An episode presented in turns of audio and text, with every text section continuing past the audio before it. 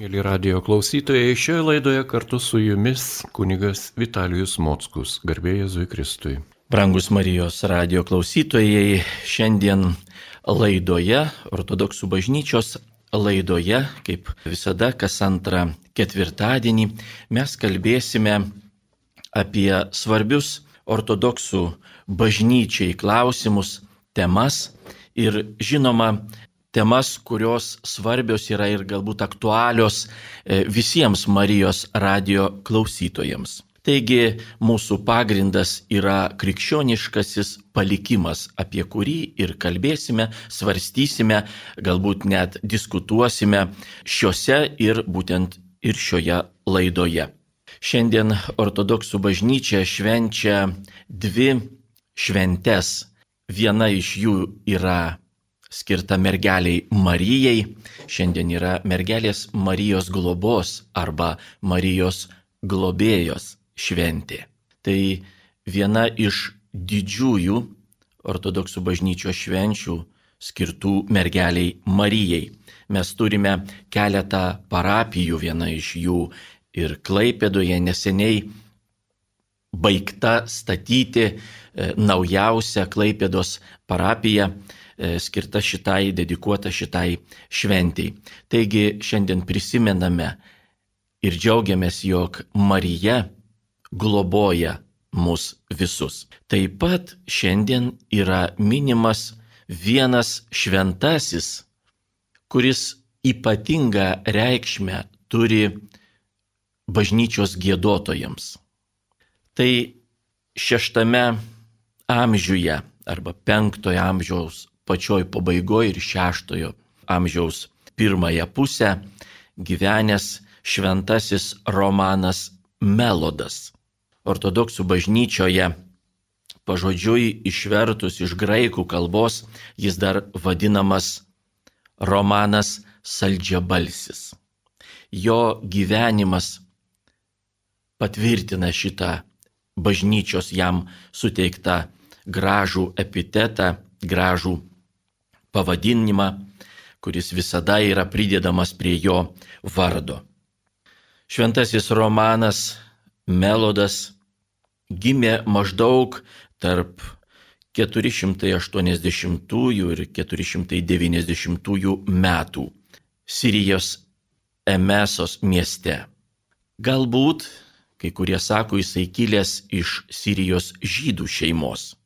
Bet, kaip gėdama yra jo giesmėje, jam skirtoje giesmėje, ten yra pasakyta, kad jis nuo jaunystės nusekė Kristų.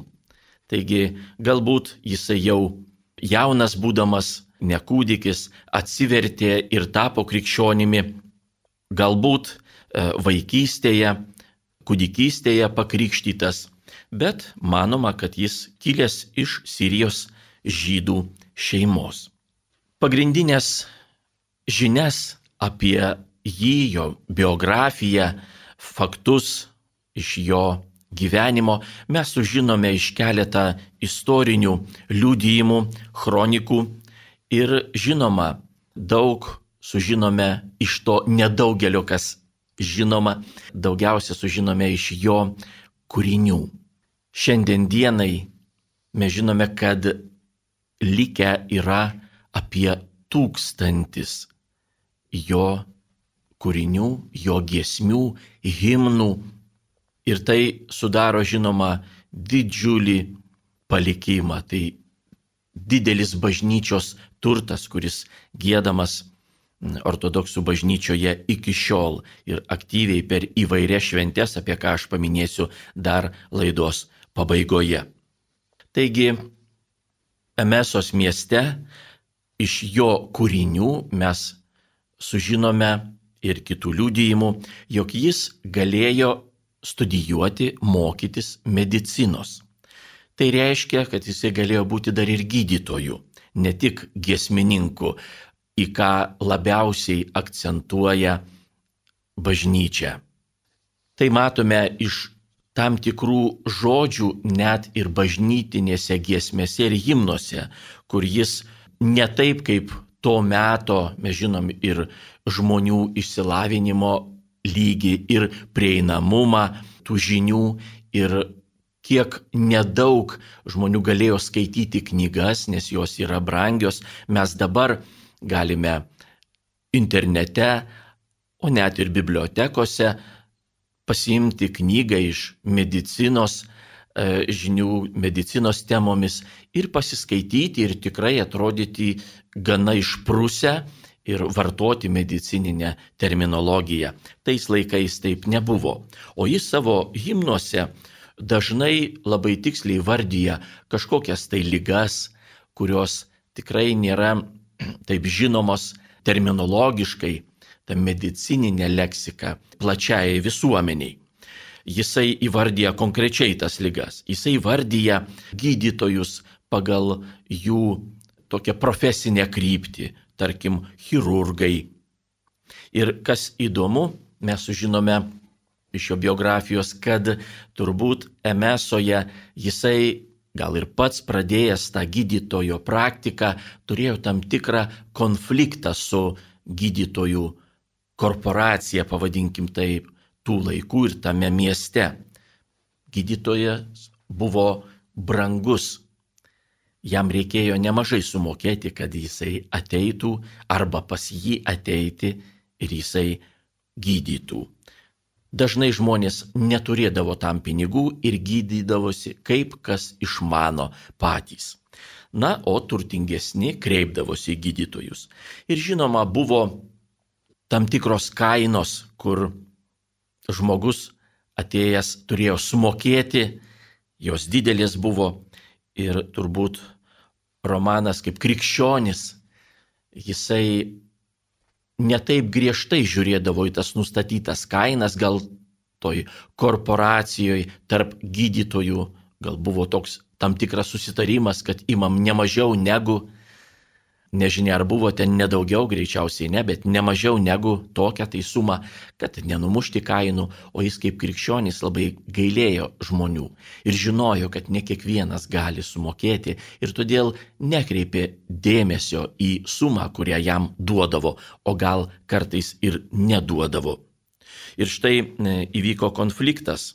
Jį ta gydytojų korporacija, emesos gydytojai pradėjo barti ir su laiku išmetė iš savo tarpo, galbūt jam net buvo uždrausta gydyti, tai galima buvo padaryti, kreipiantis į valdytojus miesto kitas to metų institucijas ir apšmeižų žmogų pasakyti, kad jis negeras gydytojas, kad jisai e, daugiau žalos e, žmonėms atneša negu naudos ir jam greičiausiai uždraudė gydyti. Ir štai jo giesmėse net matome tie terminai medicininiai, bet kartu ir epitetai gydytojams, tarkim, chirurgus, jisai sugalvoja chirurgams tokį žodį, kuris išvertus iš graikų kalbos pažodžiui reiškia, jie yra, jie dirba mėsmaliai ir mėsą malą.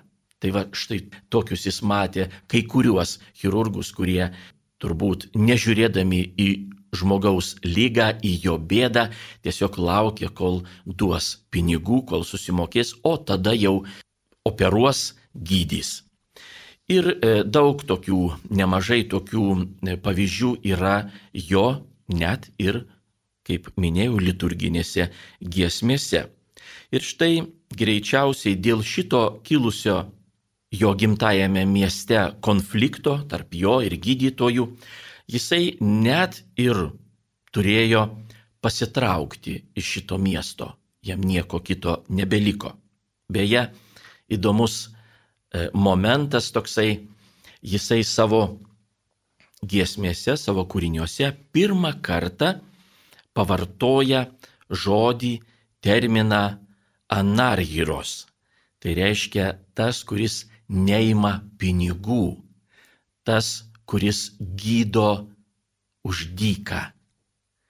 Tokį epitetą vartoja iki šiol ortodoksų bažnyčia, pridėdama jį prie vieno ar kito šventojo gydytojo vardo tarkim, šventasis Panteleimonas arba Pantaleonas, Kiras ir Jonas ir kiti gydytojai, kurie tikrai kaip krikščionys nežiūrėdavo į sumą, kurią jiems duodavo, o gal kartais neduodavo. Ir bažnyčia taip gražiai juos įvardyja, kurie, kurie neima pinigų. Kitas to termino gali būti e, suvokimas, kitas, e, kita prasme, tas, kuris neturi pinigų. Bet čia bažnyčia būtent akcentuoja į tai, jog jis neima pinigų. Ir štai šventas Romanas dažnai labai šitą žodį e, vartoja, jis jį ir sukūrė, pradėjo e, vartoti savo e, kūriniuose. Taigi jam teko pasitraukti iš Emesos ir jis atsidūrė, atvyko gyventi ir kažkuo užsiimti į Beirutą. Dabar tai yra Libano sostinė, tada tai taip pat buvo žymus, didelis kultūros centras prie viduržėmio jūros, tai buvo intelektualų centras su garsiomis mokymo įstaigomis, mokyklomis, kur galima buvo gauti tikrai gerą, nuostabų išsilavinimą. Ir vėl mes matom iš jo kūrinių, E, jog jis tą išsilavinimą įgyjo, jisai mini labai dažnai savo kūriniuose ir įvairius antikos ir vėlesnius filosofus, pradedant nuo Aristotelio, Platono ir kitus. Jisai pažįsta keletą žmonių, kurie tuo metu mokėsi Beirute, tai yra šešto amžiaus pradžia E, Beirute ir įgyjo tokį patį išsilavinimą. Taigi ir šventas Romanas buvo labai išsilavinęs žmogus, studijavo filosofiją, studijavo teologiją ir, manoma, net ir studijavo teisę, nes vėl kaip ir su medicina jis labai dažnai vartoja juridinius terminus ir matosi, jog nusimano šitoje srityje ir tai labai aiškiai matosi net ir iš jo, vėl pabrėšiu, bažnytinių liturginių kūrinių. Visą tai persismelkia, persiduoda. Mes žinom, kad ir Evangeliją skaitant matom Dievo įkvėptą, bet žmogaus ranka parašytą kūrinį. Tarkim, Evangelija pagal Luką kuris taip pat buvo gydytojas ir tiksliau ir dažniau nei kiti apaštalai, evangelistai, tarkim, vardyja lygas arba kada pasakoja apie tai, kaip Jėzus išgydo kokį tai ligonį, tai jis kaip gydytojas būtinai vardyja, kuo jisai sirgo, nuo ko buvo išgydytas. Kitiems gal tai buvo netiek svarbu, tiesiog sirgo, tiesiog kažkokia tai lyga. Tai štai ir čia matosi iš romano kūrinių ir jo filosofinis, teologinis išsilavinimas ir medicininis ir teisės. Taigi atsidūręs Beirute, jisai kaip krikščionis, žinoma, lankė bažnyčią ir nežiūrint į tai, kad na, tuo metu tai tikrai buvo e, didelis miestas, didelis kultūrinis centras ir e, ten daugybė žmonių suplaukdavo iš aplinkinių kraštų, regionų, o taip pat ir iš kitų šalių įgyti tą įsilavinimą ir buvo žmonės talentingi. Ir e, žinoma, ta konkurencija gauti kažkur kažkokią vietą buvo gana didelė. Bet mes žinome, kad romanas Beirute buvo pašventintas diakonu Kristaus prisikėlimo bažnyčioje, galbūt net tai buvo tuo metu Beiruto katedra ir kad gauti tą vietą, tuos šventimus, žinoma, jisai na, turėjo būti labai talentingas ir, na, taip vaizdžiai kalbant, nukonkuruoti kitus kandidatus į tą vietą arba į tas vietas, jeigu jų buvo kelios. Ir e, istorikai bažnyčios istorikai sako, pažymė, jog jisai e, labai mokėdavo gražiai sudėti giesmes ir eiles. Gražiai liuodavo ir kurdavo tas giesmes.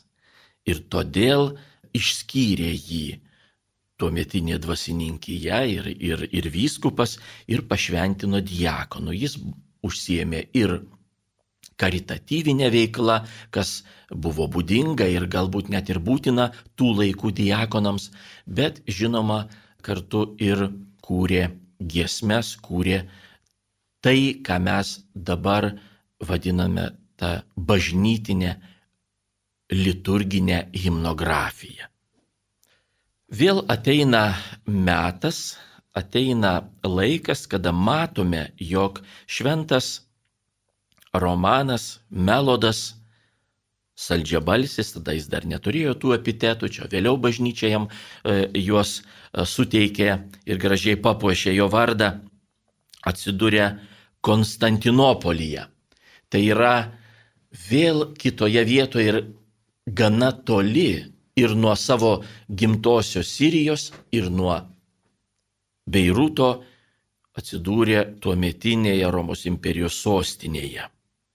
Manoma, kad jisai, šventasis Romanas, be abejo buvo savo teologiją, o be jos negalima buvo kurti e, bažnytinių giesmių, buvo taip vadinamas Halkedonitas.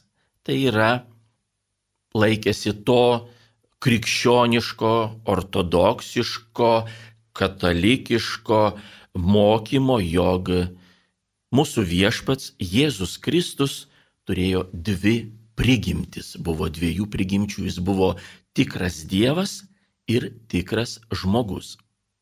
Bet net ir po ketvirto e, visuotinio bažnyčios susirinkimo erezija, kurią vadinam monofizitais, nenustojo egzistuoti, jinai dar nebuvo ne tik, kad žodiškai, taip teologiškai nugalėta, bet ir buvo labai paplitusi ypač rytuose ir todėl šeštojo amžiaus pradžioje Libane, Sirijoje ir kituose regionuose, Egipte, dabar šventojoje žemėje buvo labai paplitusi. Ir žinome iš istorinių faktų, kad 512 metais patriarchas Antiochijos patriarchas Flavianas buvo išvytas iš savo sosto ir jį užėmė jau monofizitų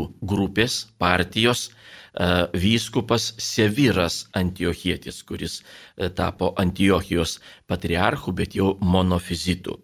Ir todėl, žinoma, gėdantis, tarnaujantis ir dirbantis Beiruto katedroje diakonas Romanas buvo na, žmogus pastebimas ir todėl jam, kaip dabar sakytume, nebeliko vietos toje parapijoje, toje bažnyčioje ir jam teko pasitraukti. Ir jį jau matome Konstantinopolyje. 512 metais jis atvyksta į sostinę, ten vėl istorikai sako, jisai lankydavo kelias bažnyčias, kelias parapijas, bet buvo dažniausiai o greičiausiai tai yra taip nuolatos jisai buvo vienoje, o lankydavosi ir kitose. Konstantinopolyje yra mikrorajonas, miesto, miesto rajonas, vadinasi Kirai, ir ten buvo mergeliai Marijai dedikuota bažnyčia, parapija, ji vadinosi Kiriotisa, reiškia Kirų, Kirų valdytoja, globėja. Ir toje, su ta parapija dažniausiai ir susijusi jo, jo visa kita veikla, nors yra dar tokių nelabai aiškių ir, ir galbūt netikslių duomenų, kad jisai e, dirbo ir tarnavo dar ir sostinės katedroje, Šventos Sofijos e, katedroje, bet dažniausiai minimas šitoje parpinėje bažnyčioje. Jis ten toliau kuria savo bažnytinės giesmes, jis atlieka savo diakono pareigas, tas, kurios tuo metu jam priklausė. Ir žinome iš istorijos ir iš jo biografijos vieną labai svarbų įvykį jo gyvenime. Jis kūrė giesmes, kūrė himnus, nuostabius, gražius, pakilėtus, iškilmingus, gilios teologinės prasmės, bet, kaip manoma, nemokėjo gėdoti, neturėjo nei balso, nei klausos. Ir štai vieną dieną, arba tiksliau vieną vakarą prieš Kristaus gimimo šventę, jisai užmygo arba užsnūdo ir jam pasirodė, apsireiškė mergelė Marija. Jinai paklausė jo, kas tau svarbiausia, ko tu labai norėtum. Ir jo atsakymas, kurį aš atidėsiu kelioms minutėms vėliau, buvo kilęs iš to konteksto, kas vyko su juo ir su jo kolegomis parapijoje. Jisai, kaip sakiau, neturėjo balso, nemokėjo gėdoti, o kiti diakonai tai galėjo daryti ir gražiai labai gėdojo, o išlaikymą, atlygį iš klebono ar kokio kito tuometinio administratoriaus, kas tai privalėjo ir turėjo daryti, jis gavo tokį patį kaip ir visi. Ir žinoma, to jam pavydėjo, kaip tai jis nei gražiai gėda, o galbūt ir iš vis negėda, o gauna lygiai tokį patį atlyginimą. Ir mes matom vėl tą žmogišką tokį polinkį į nuodėmę - pavydą. O kodėl aš geriau atlieku savo pareigas, aš gražiau gėdu, aš gražiau skaitau, o jis ne tik, kad ne taip gražiai, o gal iš vis negražiai ir netinkamai, bet gauna lygiai tiek pat. O kodėl taip? Tai yra neteisybė, tai mane žemina, žaidžia ir šitie žmonės pradėjo žeminti ir patį romaną. Ir vieną kartą net įvyko toks negražus labai atsitikimas, kada teko jam raudonuoti, jį tiesiog iš presbiterijos išstūmė, kada reikėjo gėdoti ir buvo numatyta, kad kitas diakonas gėdos tą giesmę, tą himną, o jam į ausį pašnapždėję, kad štai tu gauni tiek pat, kiek mes, tai dabar eik ir gėdok. Ir jį išstūmė ant ambonos, tai reiškia tą centrinę vietą, iš kurios E, gėdodavo diakonai, e, sakydavo recitatyvų tuos maldavimus, sektenijas ir e, tai matoma visiems žmonėms vieta yra priešais altorių. Gal tada ikonostasai dar nebuvo tokie dideli ir aukšti ir, ir gal altorius buvo matomas, bet ta centrinė vieta, iš kurios ir dabar ortodoksų bažnyčiose kunigai sako homilijas pamokslus. Ir jisai išstumtas e, ir jam nėra kur dėtis jau ir žinoma iš gėdos jis nežinojo, kur akis, kur akių dėti, nes nemokėjo gėdoti. Ir turėjo išraudęs apsisukti ir išeiti ir žinoma gal visi taip ir, ir dar ir e, pasityčiojo iš jo ir, ir kažkas iš žmonių, iš tikinčiųjų, kad štai tu, va, diakonas, o šitaip va, nemoki gėdot, kas tau ir priklausytų. Ir štai tą vakarą jam ir apsireiškė mergelė Marija. Ir kada paklausė, ko tu norėtum, kas tau labai svarbu, jis sako, aš labai noriu gėduoti, išmokti viešpati išlovinti e, tomis e, giesmėmis, kurias aš ir kuriu, bet nemoku jų išreikšti balsu. Ir mergelė Marija davė jam praryti, suvalgyti rytinį, pergamento rytinį.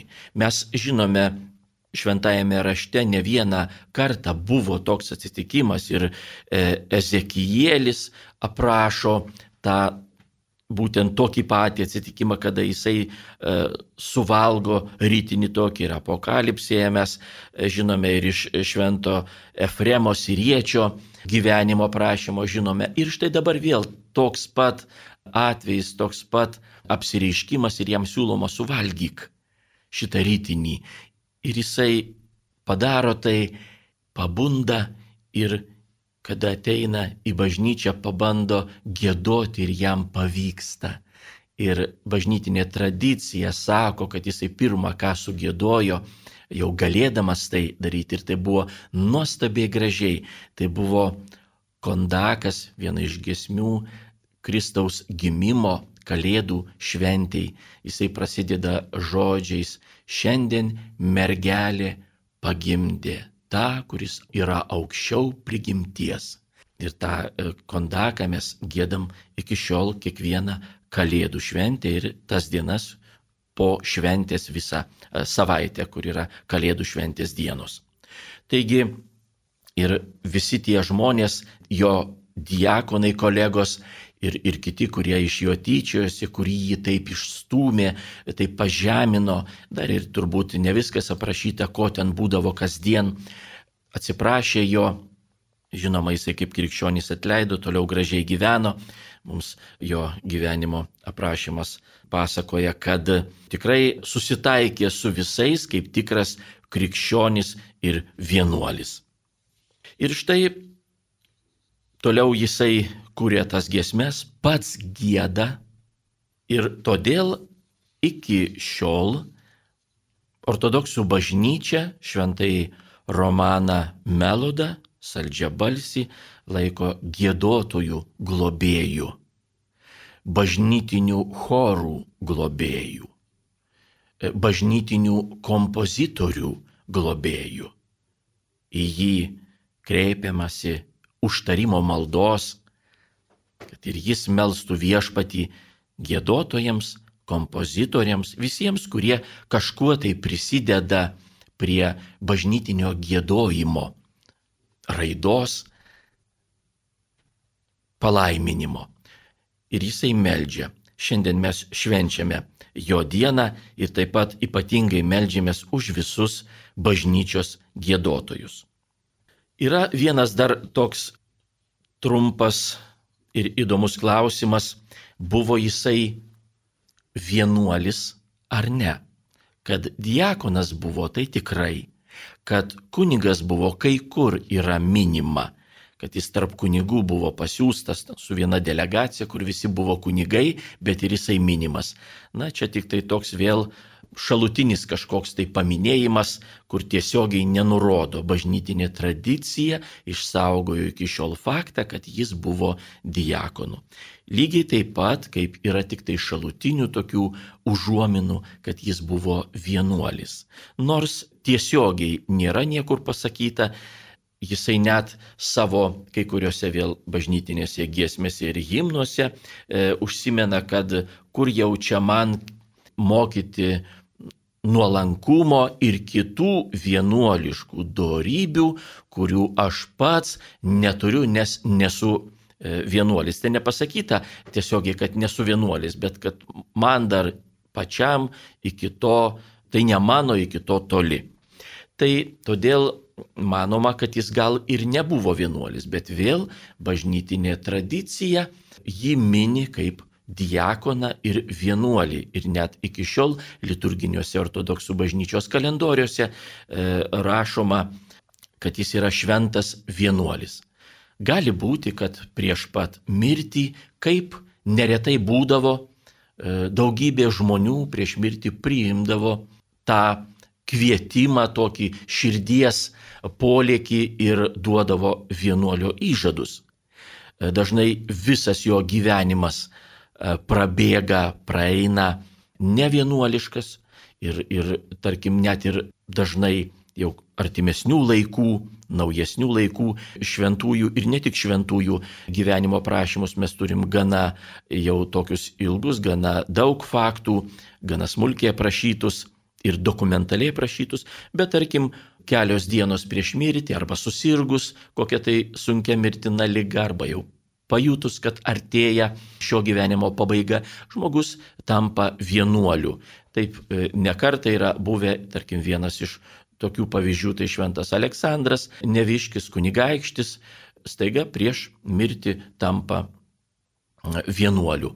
Ir, ir daug kitų tokių pavyzdžių yra. Tai galbūt tai buvo ir su šventuoju Romanu, kad prieš mirtį jau jisai buvo vienuolis, bet visą jo gyvenimą, kiek jis nugyveno, mes to fakto nematėme ir istorija neužfiksavo. Taip pat jisai buvo e, artimas ir prie imperatoriaus dvaro tam tikrų pareigūnų ir e, tai matosi vėl iš jo kai kurių gesmių, kur jisai užsimena apie tam e, tikrus įvykius tuo metu, tai tarkim sukilimą, 532 metų sukilimą, kur e, buvo bandoma nuversti e, tuo metinį imperatorių. Ir jisai tai irgi užsimena savo giesmėse. Ir tai vienas buvo iš tų, kurie patarė imperatoriui likti sostinėje, nepalikti jos, nes tai bus blogesnis sprendimas, pažeis jo, sumenkins jo autoritetą.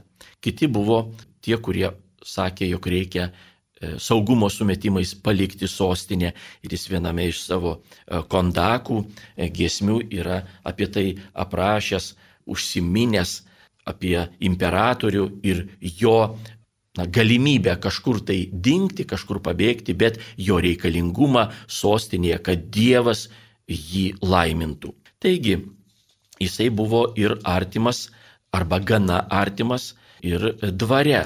Tai dalyvavo, reiškia, ir e, tuometiniuose politiniuose įvykiuose. Štai bažnyčia taip pat yra užfiksavus jo mirties datą. Metus tiksliai nusakyti negalima, tai yra maždaug tarp 555 metų ir 562. Vėl mes matome iš jo užuominų, iš jo kažkokiu tai kūriniu, kuris į kažką mini, kažko jau nemini. Tarkim, šventos Sofijos katedros atnaujinimą, ko negalėtųsi praleisti. Ir, ir tarkim, e, jau paskui yra bažnytinė net šventė su giesmėmis, tam tikromis liturginėmis, o jisai e, savo palikime neturi to giesmės e, susijusios su tuo įvykiu. Tai reiškia, jisai jau mirė iki tos šventovės atnaujinimo. Ir mes žinome tik tai konkrečią datą, tai yra mėnesį ir dieną. Pagal senai tuometinį Julijos kalendorių, tai yra spalio pirmą dieną, arba ją vadiname šiandien spalio keturioliktoji. Kaip tik šiandien ir švenčiame to šventojo minėjimą. Jo palikimas, kaip sakiau, yra labai didelis. Apie tūkstantį giesmių ir himnų jis yra palikęs. Tai nuolat aktyviai gėdamos tos giesmės iki šių dienų ortodoksų bažnyčioje. Tai yra daugybė kondakų ir kitų giesmių įvairioms šventėms.